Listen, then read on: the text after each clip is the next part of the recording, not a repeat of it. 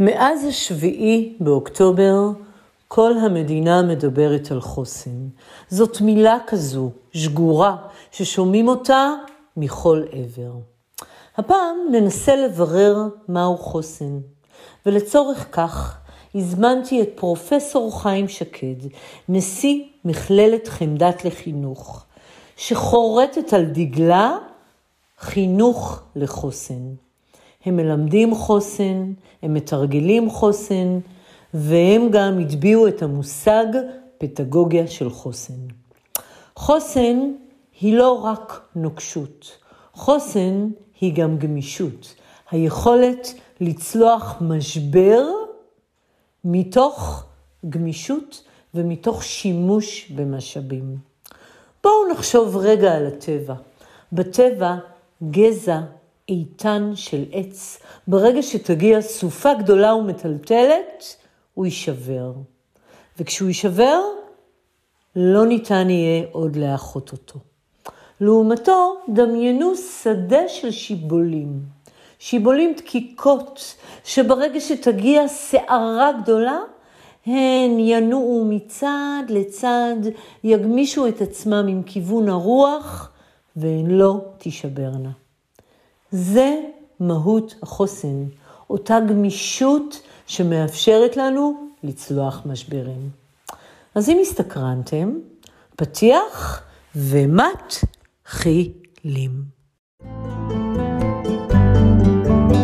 ברוכים הבאים לפודקאסט ללטש את היהלום הפנימי. פודקאסט העוסק בהתפתחות אישית, מימוש פוטנציאל ואקטואליה חברתית. כאן ורד גרנדיר פרוכטמן, ואני מזמינה אתכם למסע מרתק של ליטוש היכולות והמתנות שלכם, על מנת שתהפכו לגרסה הכי מלוטשת של עצמכם.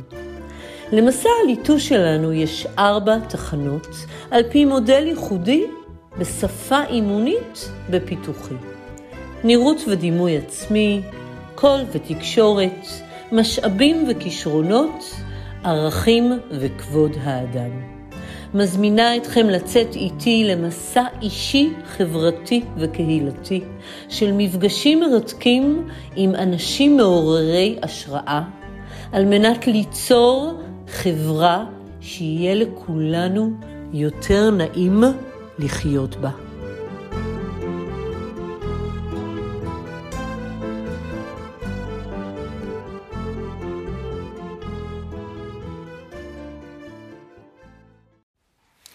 ברוכים הבאים לפרק מספר 36. הפרק שלנו היום יעסוק בחוסן. נברר מהו חוסן, כיצד מפתחים חוסן, האם ניתן לחנך לחוסן, האם חוסן בעצם הוא חוזק, או שאולי חוסן היא גמישות. לצורך כך אני נפגשת היום עם פרופסור חיים שקד, נשיא מכללת חמדת ויו"ר פורום נשיאי ונשיאות המכללות לחינוך. במכללת חמדת מחנכים לחוסן וגם מלמדים חוסן כמיומנות שניתנת לפיתוח. מכללת חמדת יותר מכל מכללה אחרת חורטת על דגלה פדגוגיה של חוסן. אני חושבת שזה הזמן לומר שלום לאורח שלנו. שלום לפרופסור חיים שקד. שלום וברכה, שלום לך. אה, האם לגיטימי לשאול בימים אלו מה שלומך?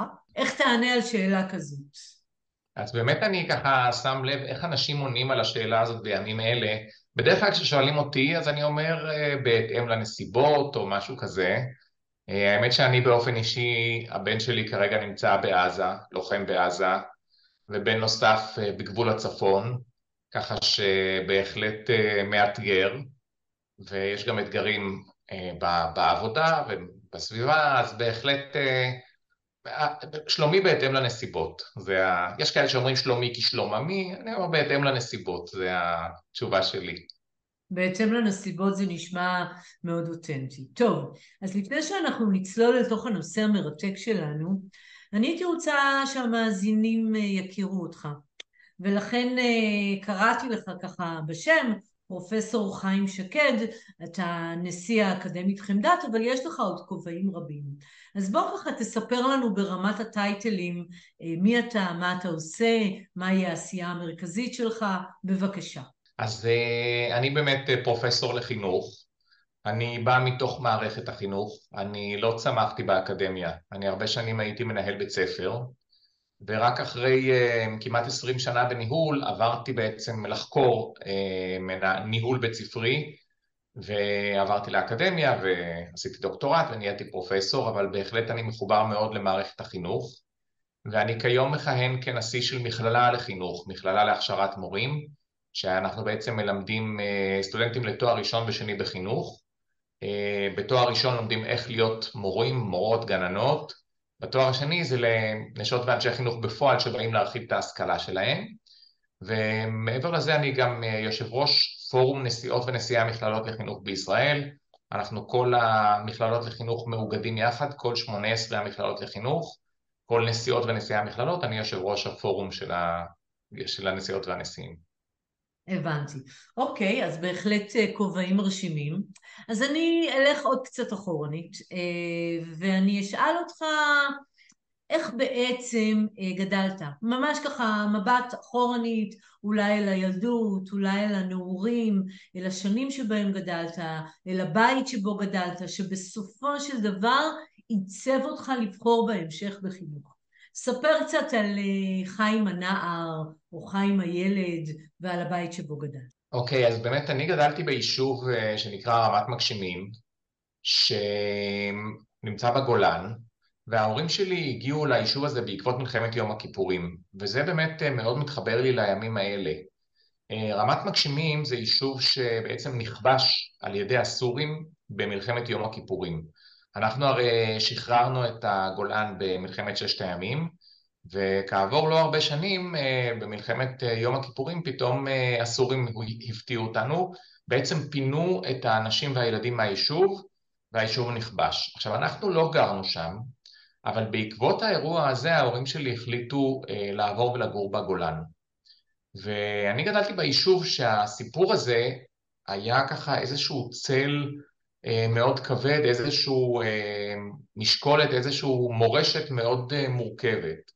וזה ממש ממש מתחבר לי לימים האלה, שאנחנו באמת חווינו משהו מאוד מאוד דומה של מחבלי חמאס שנכנסו לתוך היישובים הישראליים, עברו את הגבול, הפתיעו אותנו בביתנו שלנו, ואני ממש ככה, כל הסיפור שהוא היה הסיפור המכונן של היישוב בו גדלתי, אני ממש רואה אותו איך ההיסטוריה חוזרת על עצמה כיום. וואו, מרתק. אז רגע, בוא באמת נגיד כמה מילים על ההיסטוריה שחוזרת. אני חושבת שזה אחד הדברים שעולים ככה אצל אנשים יותר בוגרים כמונו, שכבר אה, ראו דבר או שניים, ובאמת אה, יש איזו אמירה שחוזרת על עצמה, אה, שההיסטוריה חוזרת, שיש איזושהי מעגליות. אז בוא נדבר על זה קצת מנקודת המבט שלך. זאת נקודה מעניינת, כי ההיסטוריה כנראה חוזרת על עצמה. דברים קורים שוב ושוב. אבל השאלה המעניינת בעיניי זה האם זה נותן לנו איזה שהם כלים להבין טוב יותר את ההיסטוריה, האם זה נותן לנו כלים לפעול נכון יותר, לקבל החלטות נכונות יותר, אני לא משוכנע. זאת אומרת, אנחנו בסופו של דבר עושים את אותן שגיאות, ואנחנו פתאום מגלים ש, שמה שעשינו בעבר, שהשגיאות של העבר אנחנו חוזרים עליהן שוב, אבל זה שההיסטוריה חוזרת על עצמה לא הופך אותנו ליותר חכמים, ככה אני מרגיש. אה, זה קצת עצוב, אבל זאת המציאות, את יודעת, זה דומה בעיניי לזה שאתה בתור הורה למשל, רואה את הילדים שלך הולכים לעשות שגיאות, ואתה אומר, חבל, אני כבר התבגרתי ולמדתי והבנתי את השגיאות האלה, ובואו אני אחסוך את זה מכם. ואתה, אין ברירה, כל דור צריך לעשות את השגיאות שלו מחדש, וכנראה גם עם ההיסטוריה זה ככה. אותן שגיאות, בחלוף 50 שנה היינו צריכים לעשות אותן מחדש, זה מאוד מאוד דומה למה שהיה, אבל לא התנהלנו חכם יותר, אני חושב. מעניין. טוב, אז אנחנו בעצם חוזרים אה, לכר הגידול שלך. בסופו של דבר בחרת בחינוך. איך הבית שבו גדלת השפיע על זה שבחרת בחינוך?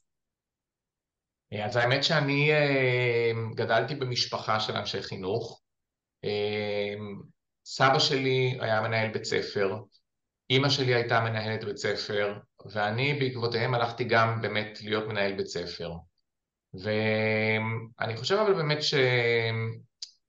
שהייחודיות, זה שאני באתי מתוך הניהול אל האקדמיה, זה נותן לי בעיניי איזושהי נקודת מבט מיוחדת שאני מאוד שמח עליה,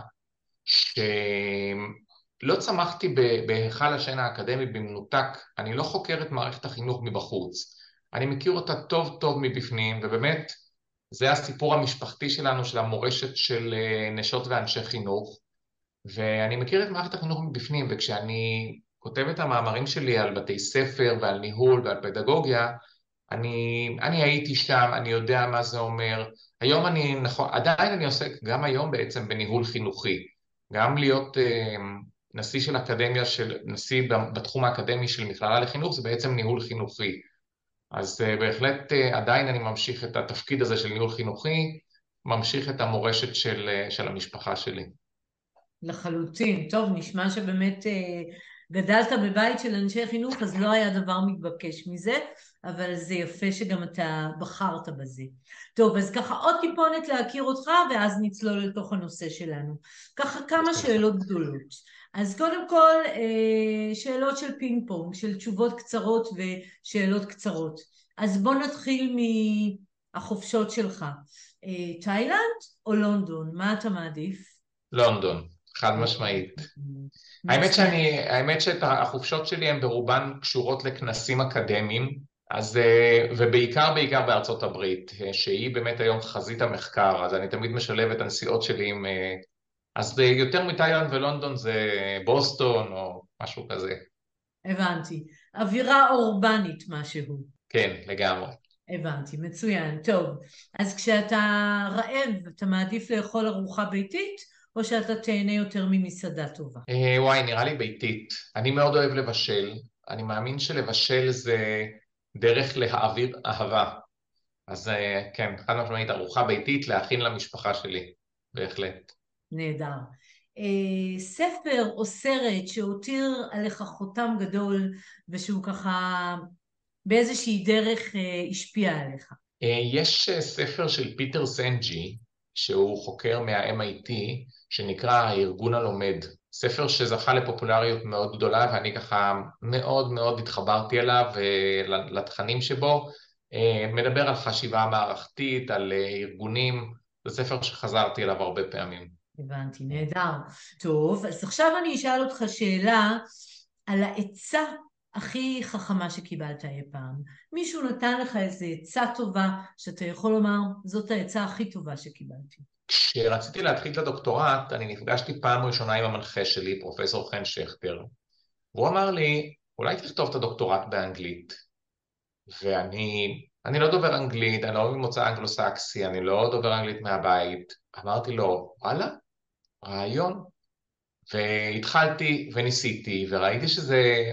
וזה ממש עשה לי תפנית בכל הקריירה האקדמית שלי, כי באמת עולם המחקר מתנהל כולו באנגלית כיום, הוא בינלאומי, הוא מתנהל באנגלית, כל הכתיבה האקדמית, ומאז כתבתי כבר עשרות עשרות מאמרים וספרים באנגלית, והכל בגלל אה, ככה איזשהו משפט אחד שהוא אמר לי ברגע הראשון שנפגשנו.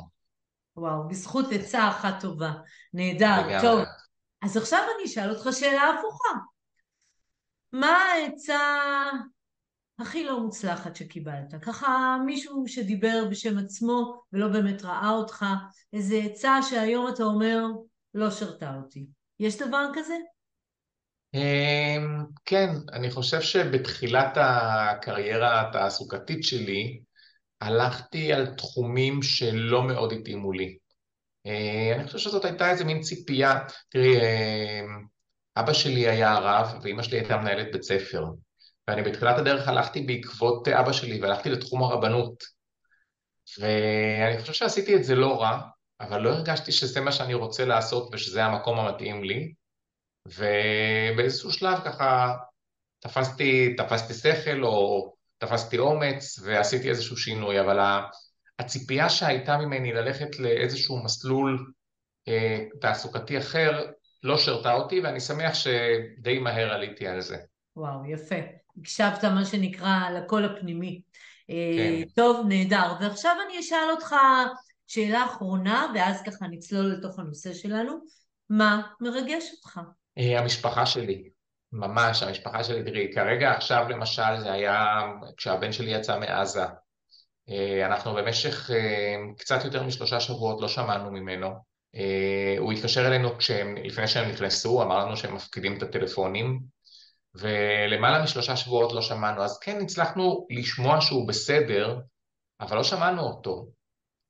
וכשהוא הגיע הביתה, אני פרצתי בבכי, ש, שאפילו אני הופתעתי. אה, אז באמת מפגשים עם הילדים שלי, והצלחות של הילדים שלי, וגם דאגות לילדים שלי, זה שמה, זאת נקודת הרגש שלי. נפלא. טוב, אז אני חושבת שבהחלט אה, למדנו ככה קצת להכיר אותך, להתבונן אה, גם על הנטיות שלך, גם על האומץ שלך, גם על הנטיות ככה המקצועיות שלך, ובוא באמת נצלול אל תוך נושא החוסן. תראה, אנחנו נמצאים בתקופה מאוד מטלטלת, וחוסן הפכה להיות מילה כמעט נדושה. כולם מדברים על חוסן, אבל גם אני עוסקת הרבה בחוסן כיועצת ארגונית וכמנחה, וגם אה, האקדמית חמדת ככה חורטים על דגלם עיסוק בחוסן. אז בואו קודם כל נשאל את השאלה מהו חוסן? למה הוא כל כך נדרש בימים אלה? וספר לנו קצת מנקודת המבט שלך מהו חוסן ולמה הוא נדרש. אז בעצם זה שתי שאלות גדולות שכל אחת דורשת התייחסות. אה, אני אתחיל עם השאלה מהו חוסן ואחר כך עם השאלה למה הוא נדרש.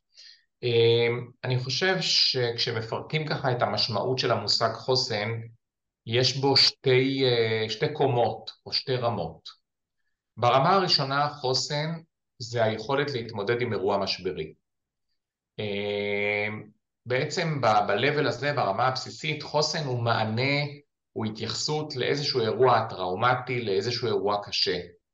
ואירוע קשה יכול להיות בהמון המון מעגלים, זה יכול להיות במעגל האישי, זה יכול להיות במעגל המשפט, זה יכול להיות, אה, אנחנו מתייחסים, אנחנו מתעסקים הרבה מאוד במכללה שלי בחוסן בחינוך. אז זה יכול להיות ילד שעושים עליו חרם, וזה יכול להיות ילד שמפיצים איזה סרטון אישי שלו, וזה יכול להיות משהו שקורה במשפחה, אה, שההורים אה, מחליטים להתגרש, או שמישהו חולה או חלילה נפטר, זה יכול להיות משהו באזור, יכול להיות מלחמה בכל המדינה, יכול להיות קורונה בכל העולם. וחוסן זה בעצם אומר איך אתה מצליח להתמודד עם אירוע משברי. ובעצם התמודדות עם אירוע משברי זה תהליך, שככל שיש לך יותר חוסן, אתה מצליח יותר ויותר לצאת ממנו, מהאירוע המשברי, ולחזור בעצם לעמוד על הרגליים שלך, ואולי אפילו לצאת מחוזק. זאת אומרת, ברמה הכי גבוהה חוסן זה לצאת מאירוע משברי כשאתה מחוזק. זה היכולת לגייס משאבים פנימיים ובסביבה שלך, ובשלב הראשון אתה קודם כל צריך טיפה להרים את הראש, ואולי אחר כך לחזור למה שהיית, וברמה הגבוהה ביותר זה לצאת אה, מחוזק. אז כל זה ה-level הראשון של החוסן. אה, זאת אומרת, כשהוא בהתייחסות למשבר. ה-level השני זה חוסן כמנוע פנימי למימוש עצמי.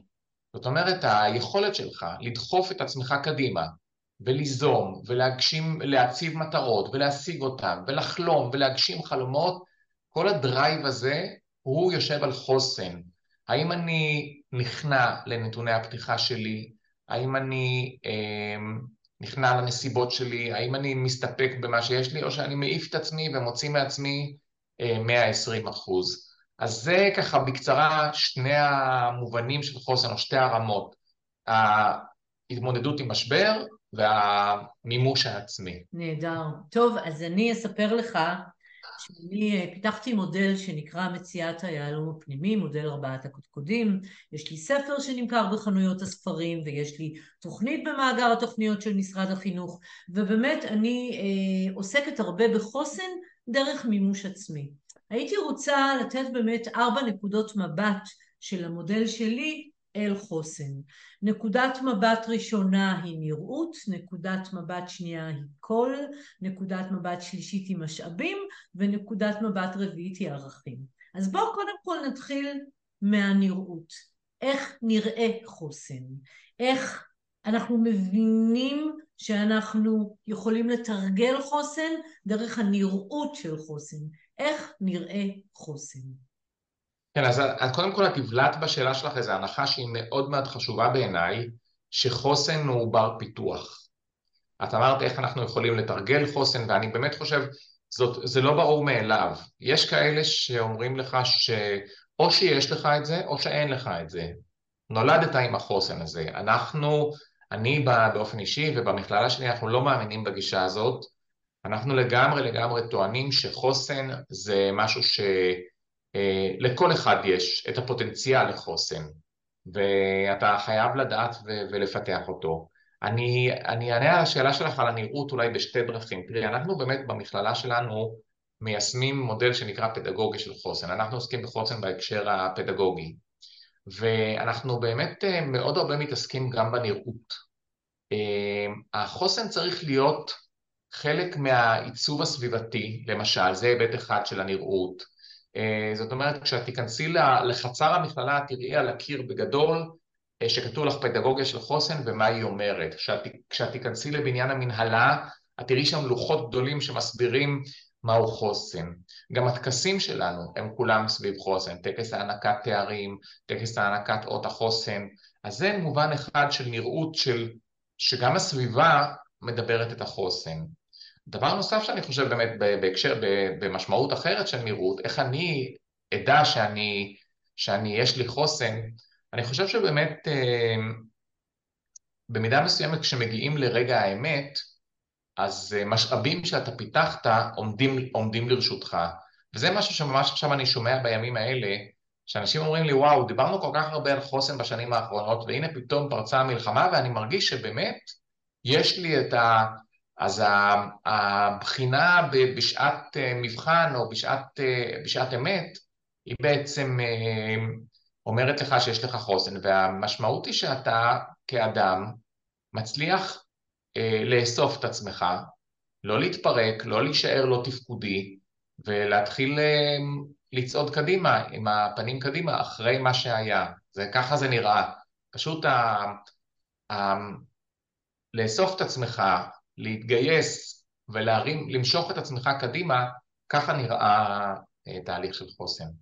נהדר. אני גם תמיד אומרת שחוסן מתחיל בגוף. הוא קודם כל מתחיל בגוף, במעטפת, ואחר כך הוא עובר פנימה אל תוך הנפש, אל תוך התודעה, ולכן הנראות של חוסן היא באמת מתחילה בגוף, בזקיפות קומה, באיזה תדר אנרגטי, בשמירה על תנועתיות וכולי. אה, נכון, ויש גם, תרגילים, יש גם תרגילים גופניים שאפשר לעשות כדי לחזק את החוסן, למרות שהחוסן הוא משאב נפשי, אבל יש גם דברים פיזיים שאפשר לעשות, כן. לגמרי. אתה רוצה לפרט לנו קצת? באמת, אה, אם כבר דיברנו על חוסן שמתחיל בגוף, איזה למשל תרגילים אפשר לעשות שמתחילים בגוף שהם אה, בעצם דרך לפתח חוסן? אז אני אתן ממש דוגמה אחת, יש המון דוגמאות, אבל למשל תרגילים של קיבוץ והרפייה. החוסן הוא בעצם אה, מצב שאנחנו קצת יותר נינוחים, קצת יותר משוחררים, ולפעמים הגוף מתכווץ ונתפס מכווץ. הפחד או המנגנוני הזהירות שלנו, פעמוני האזהרה, משאירים אותנו מכווצים. ואם אתה באופן יזום מכווץ ומרפא, מכווץ ומרפא חלקים בגוף, אז אתה מזכיר לגוף שאפשר לשחרר את, ה, את ההיתפסות הזאת. זאת למשל אה, דוגמה אחת, ככה אני הסברתי אותו בקצרה, אפשר גם להסביר איך עושים את זה, אבל כל מיני תרגילים של קיבוץ והרפאיה, קיבוץ והרפאיה מזכירים לגוף שאוקיי, אפשר לשחרר, הסכנה חלפה למשל, גם קצת תרגילים של חיבור לאדמה, הם גם כן עוזרים, אה, אפילו, אפילו רק כשאתה לחוץ, אפילו בתוך כדי אה, עבודה, רק שים את שתי כפות הרגליים על הרצפה, זה כבר נותן לך איזשהו משהו שככה אה, מחזק אותך, ויש עוד הרבה מאוד דברים כאלה. נפלא. אז אם הסכמנו שהחוסן מתחיל ככה בגוף ובאיזה מעטפת חיצונית, אז עכשיו אנחנו עוברים לקודקוד הבא שזה בעצם הקול. הקול, התקשורת, הותרת החותם, אפילו הקשבה לאינטואיציה, שזה קול פנימי. אז איך בעצם אה, בא לידי ביטוי החוסן באמצעות קול, תקשורת, תקשורת עם הסביבה, אולי ביטוי רגשי, אולי הותרת חותם, אולי אינטואיציה, דבר על זה קצת, על הקול של החוסן. אה, אז, אז אני אה, באמת יכול לספר שאצלנו במכללה אנחנו מטמיעים אצלנו משנה שנקראת פדגוגיה של חוסן, שבעצם אומרת שלנשות ואנשי חינוך יש תפקיד מאוד מרכזי בפיתוח חוסן של תלמידות ותלמידים. ואחד הדברים שאנחנו עשינו זה לפתח שפה. לפתח שפה. כשאתה מפתח משנה אמ, חינוכית, רעיונית, אקדמית, אתה חייב לפתח סביבה איזושהי שפה של מונחים ושל מושגים, וזה בעיניי חלק אחד של הכל. כל זה אומר שאנחנו אה, מדברים בשפה מסוימת, וכשאני אומר מושג מסוים, אז אתה מכיר אותו, ואני חייב לומר לך באופן אישי, עבורי, אני באמת מוביל את משנת פדגוגיה של חוסן, ויצא לי את אה, אותם נאומים על חוסן ואותם הסברים לומר עוד פעם ועוד פעם ועוד פעם, ובאמת שאלתי את עצמי, אמ, מה זה עושה לקול שלי, לא במובן של אה, פיתוח קול, אלא איך זה לדבר את אה, אותו הדבר שוב ושוב. והתשובה שלי לעצמי היא שכשאני מדבר על משהו ש... שדיברתי עליו כבר אלף פעם, אני חייב שוב למצוא את נקודת ההתרגשות.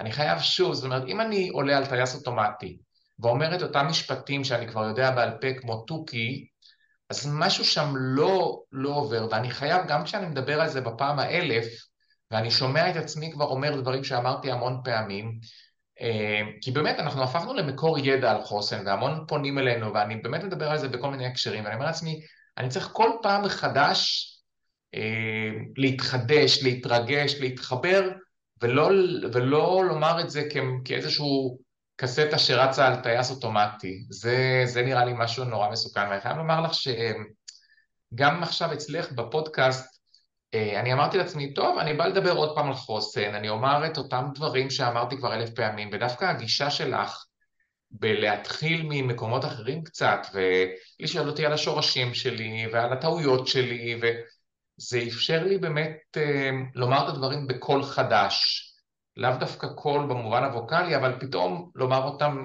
במילים אחרות, בתחושה אחרת, שזה פשוט נהדר. וואו, אני נורא שמחה לשמוע. וזה מעביר אותנו למשאבים, אבל לפני שנדבר על משאבים, אני רוצה לדבר על תשוקה לדבר. אני חושבת שהמפתח בלהישמע כל פעם קצת אחרת אה, באותו נושא ולא להישמע ככה לקונים, זה באמת למצוא מחדש את התשוקה לדבר. וכשיש לנו תשוקה לדבר, אז אנחנו כל פעם נמצא עוד נקודת מבט. אז נקודת מבט הבאה שהיא מתחברת לתשוקה זה משאבים. מהם המשאבים הנדרשים על מנת לתרגל חוסן. ואנחנו שנינו ככה מסכימים שחוסן זאת בעצם איזושהי איכות נרכשת. יש לנו אפשרות לתרגל חוסן, אה, זאת איזושהי מיומנות שככל שנתרגל אותה, ככה אנחנו נהיה יותר אה, מדויקים בחוויה שלה. אני קוראת לזה בכלל ללטש, כי עולם המושגים שלי והשפה שלי קשורה ליהלומים ולליטוש ולדיוק, אז אני קוראת לזה ללטש חוסן. אבל בואו באמת נדבר על מהם המשאבים הנדרשים על מנת ללטש ולדייק חוסן. אמ, אז אני אומר לך, יש משהו מאוד מאוד uh, מעניין שנקרא The Ordinariness of Resilience, הרגילות של, של החוסן. זאת אומרת, ה, מה שהחוקר שפיתח את הביטוי הזה של ה-Ordinariness הוא בא ואומר שהחוסן הוא לא דורש להפוך את העולם על פיו, לשנות את החיים שלנו ב-180 מעלות ו- ולעשות דברים שלא האמנו שנעשה מעולם. כדי, כדי לפתח חוסן אתה לא צריך עכשיו לטוס לחלל או לקפוץ מכדור פורח, או אני לא יודע מה. לא, אתה יכול לעשות דברים מאוד מאוד פשוטים ומאוד קטנים, ואם אתה תעשה אותם במטרה מסוימת, בהתכוונות מסוימת ועם דיוקים מסוימים, זה עצמו אה, יפתח את החוסן. ובעיניי, דווקא כביכול מיעוט המשאבים הנדרש הוא ההזדמנות שיש פה. כי אתה לא צריך פה אה, לפנות המון זמן, ואתה לא צריך לשנות uh, לחלוטין באורך מלא, באורך מלא את חייך. תראי, האמת היא שאני uh, חייב לגלות לך שלפני הפודקאסט שלנו אני קראתי קצת עלייך. אמרתי, מי זאת? ורד שמזמינה אותי. ואני ראיתי שאת עשית מהפך בחיים שלך, והיית בתחום אחד ועברת לתחום אחר, אז זה, בעיניי זה ממש ממש מרשים. אבל מה שאני רוצה לומר לאנשים, שגם מי שלא מעז לעשות מהפכה כל כך עמוקה בחיים שלו, עדיין יכול לפתח את החוסן. ולא, אני, אני, אני חושב שאנשים כמוך הם גם השראה, אבל הם גם מייאשים לפעמים, את יודעת? כי אנשים אומרים, טוב, נו, מה, אני עכשיו אעשה כזה שינוי קריירה כמו שעשתה ורד, אני אעשה כזה שינוי בחיים שלי, ו... ויש כאלה שאומרים, זה, זה גדול עליי.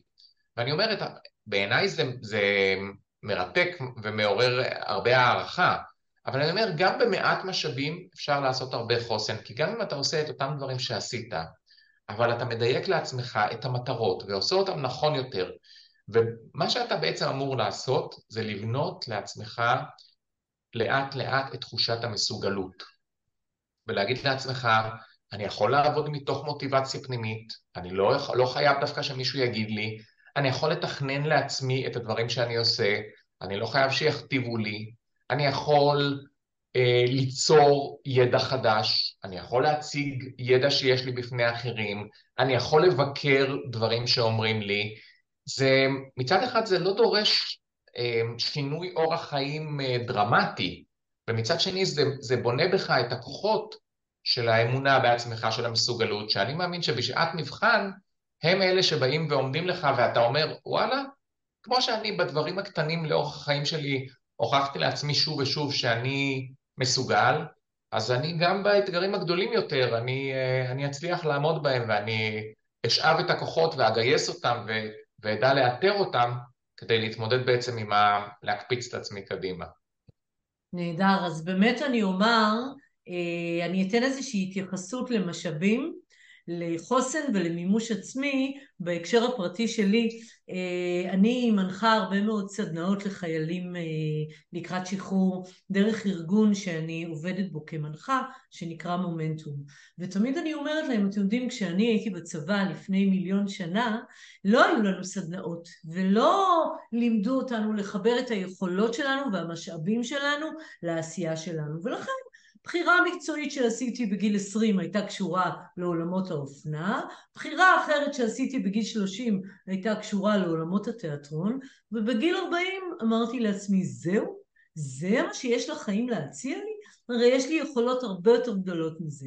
ובאמת היה משהו בלהוביל שינוי שמבחינתי היה מאוד מתבקש. אבל זה היה המקום שבאמצעותו התחברתי לתחושת מסוגלות, ומתוך תחושת מסוגלות גם חוסן. ולא פלא שהיום אני עוסקת בחוסן, ועוסקת הרבה במימוש עצמי, ובניתי מודל שכולו סובב פוטנציאל, משום שהחוסן נבנה מתוך המשאבים שלנו. ואם אנחנו לא יודעים לחבר את המשאבים שלנו אל העשייה שלנו, אז אנחנו בתחושה של החמצה בלתי פוסקת. אז זה הזמן בעצם לעבור לנקודת המבט הבאה, שהיא הערכים שלנו. ערכים זה נורא tricky, כי כולנו יודעים לדבר על ערכים. וערכים זה סוג של אה, סיסמאות כאלה שתלויות בכל מקום ונאמרות בכל מקום, אבל אני חושבת שהדרישה של החוסן זה להתנהג את הערכים שלנו. אז בואו ספר איך מתנהגים ערכים. אני חושבת שאצלכם, באקדמית חמדת, ממש לקחתם לכם את הפדגוגיה של החוסן וחרטתם אותה על דגלכם. אתם דוגמה מצוינת לאיך מתרגלים ערכים, איך מחנכים לערכים. אז ספר קצת איך ערכים מפסיקים להיות פלקטים על הקיר ומתחילים להיות מה שנקרא דפוסי התנהגות. בבקשה. אז רגע, אז אני קודם כל אגיד לך שגם פלקטים על הקיר הם חשובים. אני, אני, את יודעת, אה, קלישאות זה דבר אה, קצת מרתיע וקצת מסוכן, אבל אני חושב שגם יש לו ערך. כשאתה משנן שוב ושוב את אותן סיסמאות ואת אותן כותרות, אני חושב שזה, בסופו של דבר זה גם נכנס. אני מסכים לגמרי שאם זה נשאר ברמת הקלישאות בלבד, וברמת הקישוט על הקיר בלבד, אז זה באמת לא שווה. אבל אני חושב שיש גם ערך לזה שבכל מקום כתוב חוסן, אצלנו במכללה, אצלנו באקדמית חמדת, על כל, אה, על כל כוס אה, כתוב אה, חוסן ועל כל מכתב ועל כל... זה כתוב בכל מקום ובכל מודעה שלנו ואני חושב שגם לזה יש ערך, אבל אני מסכים איתך שאם זה לא באמת הופך לאורח חיים הלכה למעשה, אז באמת זה, זה החמצה מאוד גדולה.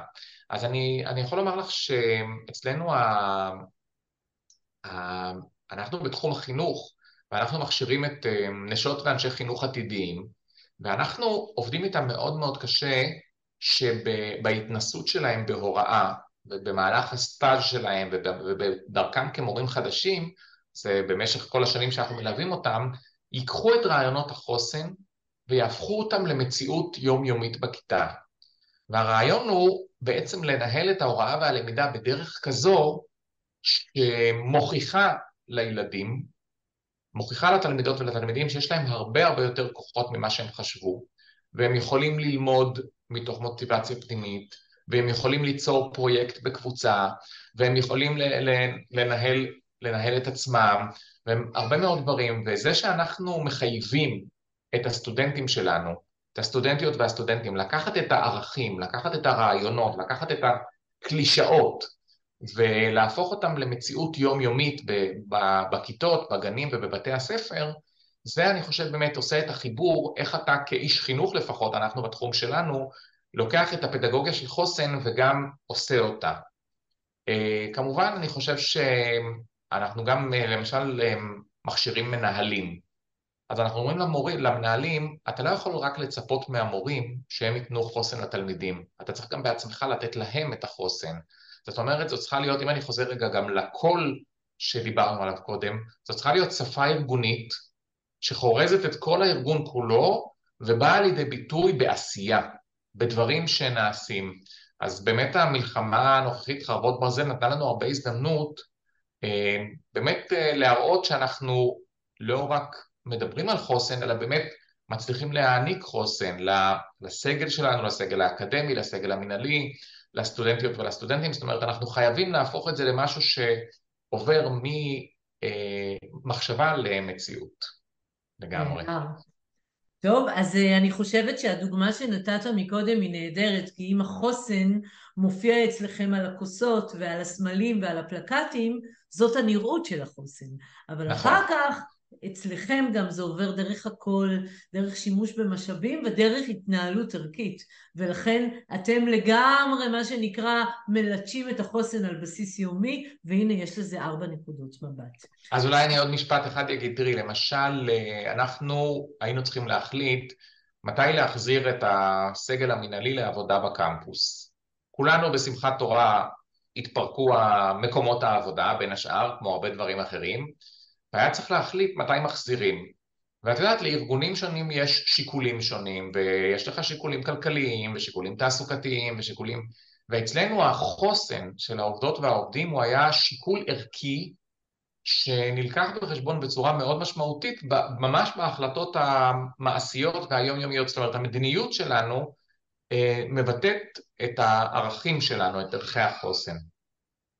וואו, נהדר, זה מה שנקרא walk the talk. אז כן. עכשיו ככה באמת כמכללה שמדברת על חוסן ושמחנכת לחוסן, הייתי רוצה לדבר איתך קצת על החברה הישראלית בתקופה הזאת. אנחנו ללא ספק עוברים את אחד המשברים הגדולים בתולדות המדינה, והקרקע נשמטה מתחת לרגליים לרבים מאיתנו, גם כחברה, גם כאינדיבידואלים. אז דבר קצת על חוסן חברתי. איך בעצם מפתחים חוסן כחברה, ואיזה ביטויים אנחנו רואים לחוסן חברתי בתקופה הזאת. אז אה, אני רוצה דווקא אולי באמת מהמקום שלי להגיד על חוסן, על הקשר בין מערכת החינוך לחוסן. אמ, אני חושב שאחד מהדברים שהם שוברי חוסן חברתי, או מסוכנים לחוסן החברתי, זה שסעים ופערים. ואנחנו כולנו כמובן מכירים את השסע הפוליטי, וכן רפורמה ולא רפורמה, דברים שהיו עד אה, שמחת תורה נראים לנו ברומו של עולם והנחנו אותם בצד.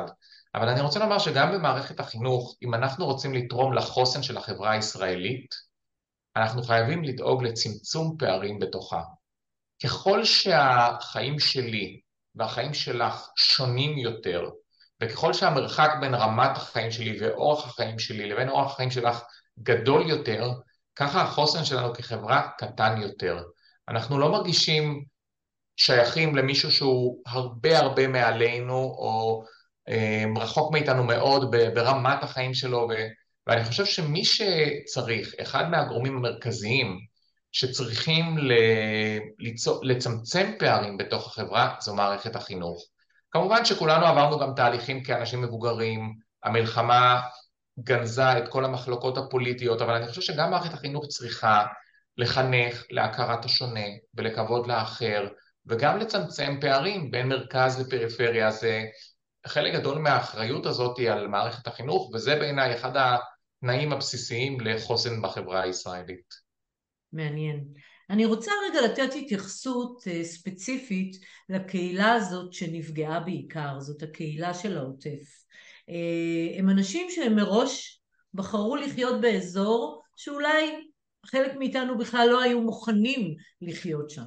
ובאמת אנחנו מגלים בימים האלה חברה עם הרבה חוסן, קהילה מאוד חזקה, שלמרות הטלטלה הגדולה ולמרות המחירים הכבדים שהם משלמים וימשיכו לשלם, יש שם איזשהו חוסן בסיסי. איך אתה מסביר את זה? האם האזור הגיאוגרפי הפך את האנשים לבעלי חוסן, או שרק אנשים מסוימים עברו לגור באזור הגיאוגרפי? מה אתה קושר למה? אה, אז אני אומר לך, אנחנו באמת, המכללה שלי נמצאת בשדות נגב. אנחנו פועלים באזור הזה, אני מכיר אותו ממש מקרוב, את העוטף, והאמת שזה באמת, אה, אולי במאמר מוסגר אני אגיד, מכאן הגענו אל החוסן. אנחנו אה, בחרנו ברעיון הזה, במשנה הזאת של חוסן לפני ארבע שנים, בגלל המיקום שלנו בעוטף עזה. אני חושב שמה שבא לידי ביטוי בתקופה הזאת זה בעיקר בעיקר מה שנקרא חוסן קהילתי. החוסן של הקהילות. ומה שאנחנו יכולים לראות בעוטף, אני חושב שבימים האלה זה באמת בא לידי ביטוי בצורה מדהימה, שהשלם הקהילתי גדול מסך חלקיו. זאת אומרת, גם אם אני באופן אישי חסון יותר או פחות ויש לי יותר או פחות חוסן, הביחד, החוזק שנותנים זה לזה, במקומות האלה הוא מאוד מאוד חזק, ואפשר גם לראות הבדלים אפילו בין uh, יישובים. Uh, אני חושב שבין העיר נתיבות לבין היישובים שלידה למשל, יש איזשהו הבדל שהעיר נתיבות עברה את התקופה הזאת יותר קשה במשבר הזה, והאנשים שמרגישים פחות uh, עטופים. ומה שאני שומע, אני באמת עשיתי בתקופה האחרונה, ביקרתי בהרבה מאוד בתי מלון של מפונים, פשוט כי עשרות אנשי סגל שלי פונו ונמצאים במלונות, ואתה שומע שהביחד של, של כולנו, של הקהילה, ששמרנו על, ה, על הביחד היישובי, זה לא יישובים גדולים, וזה יישובים שמאוד מאוד ככה ארגנו וארגנו לעצמם מערכת חינוך יישובית, ופה קמה ועדה שדואגת לזה, והבן אדם הזה אחראי על זה.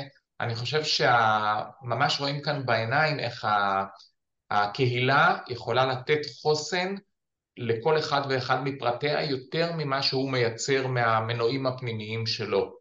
וזה בעיניי אה, לקח מאוד מאוד חשוב. החוסן הזה של הקהילות הוא לא נוצר כרגע, הוא נוצר על תשתית שהקהילות האלה בנו אותן לאורך זמן, את ההוואי הקהילתי, את הלכידות הקהילתית, וזה משהו שמאוד מאוד חשוב שיהיה לכל אחד מאיתנו, להשתייך לאיזושהי קהילה שנותנת לו כוחות ביומיום וגם חלילה במצבי משבר. אז בעצם מה שאתה אומר זה שקהילה חזקה, איתנה ועוטפת היא אה, מאפשרת לפתח חוסן. אה, אני רוצה לשאול אותך שאלת, אה, שאלת השאלות מנקודת מבט חינוכית.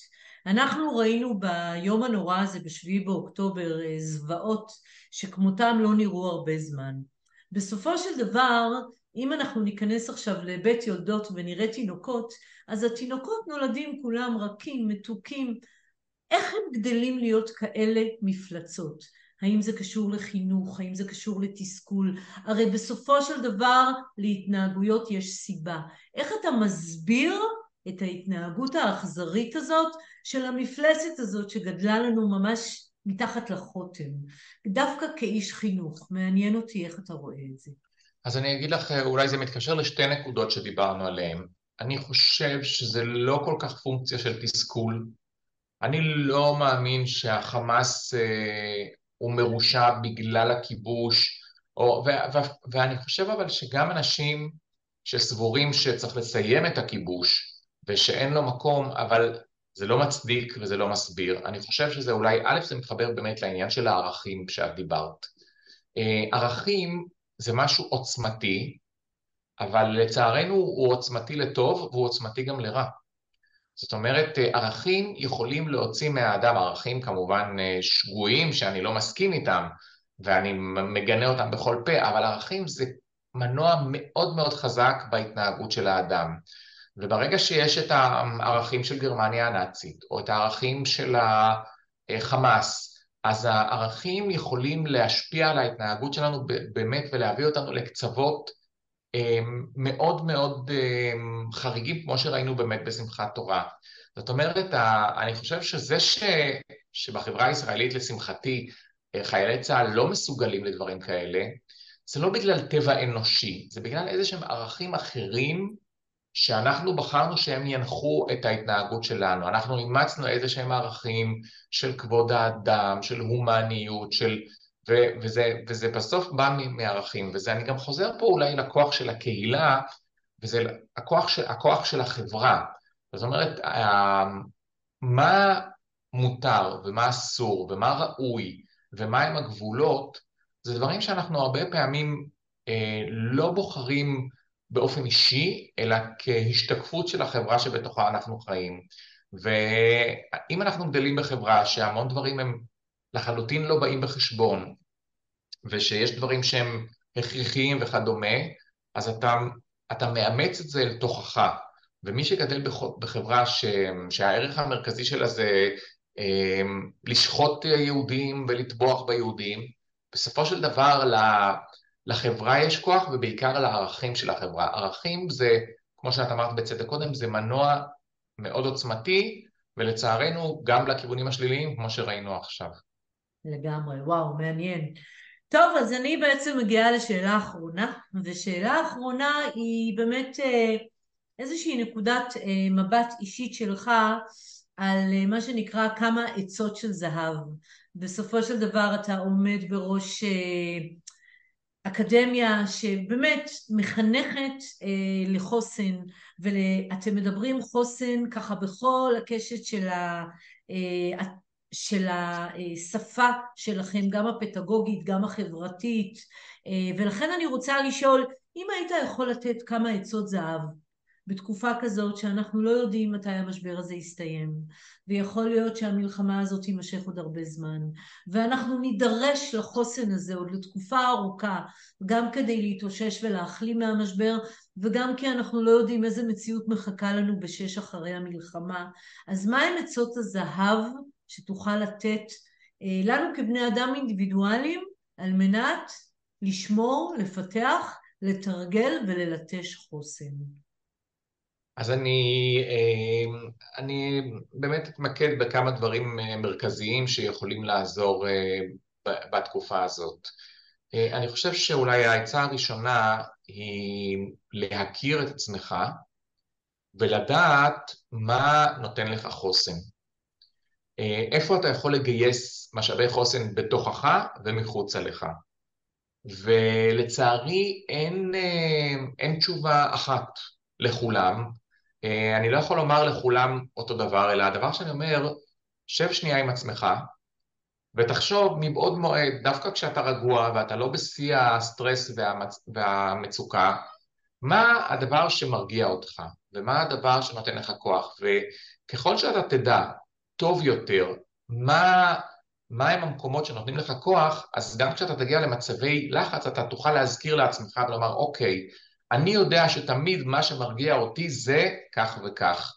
זאת אומרת, זה איזשהו תרגול של להתחבר למקורות שלנו. את יודעת, אז יש... אה, מה, מה, מה את עושה כשאת, אה, נגיד הילד לא חוזר ואת מאוד דואגת לו, ואת חושבת שחס וחלילה אולי קרה לו משהו ובסוף הוא נכנס, אה, את יודעת, אז אחת תשב ותקרא תהילים, ואחת תתחיל לנקות את הבית, ואחת תנסה לחפש כמה שיותר אינפורמציה מכל המקורות האפשריים ולחפש אלטרנטיבות ולבנות תרחישים ו- ו- ולהכניס סדר במצב הקיים. זאת אומרת, יש המון המון דרכים שאנחנו, ויש כאלה שספורט יעשה להם טוב ויש כאלה שאכילה תעשה להם טוב, וככל שאתה מודע יותר לדברים שמרגיעים אותך ולדברים שמחזקים אותך, ואתה אומר, אוקיי, אני יודע שאני תמיד א', ב' וג' עוזרים לי, אז בשעת משבר אתה יכול לשלוף את זה הרבה יותר מהר.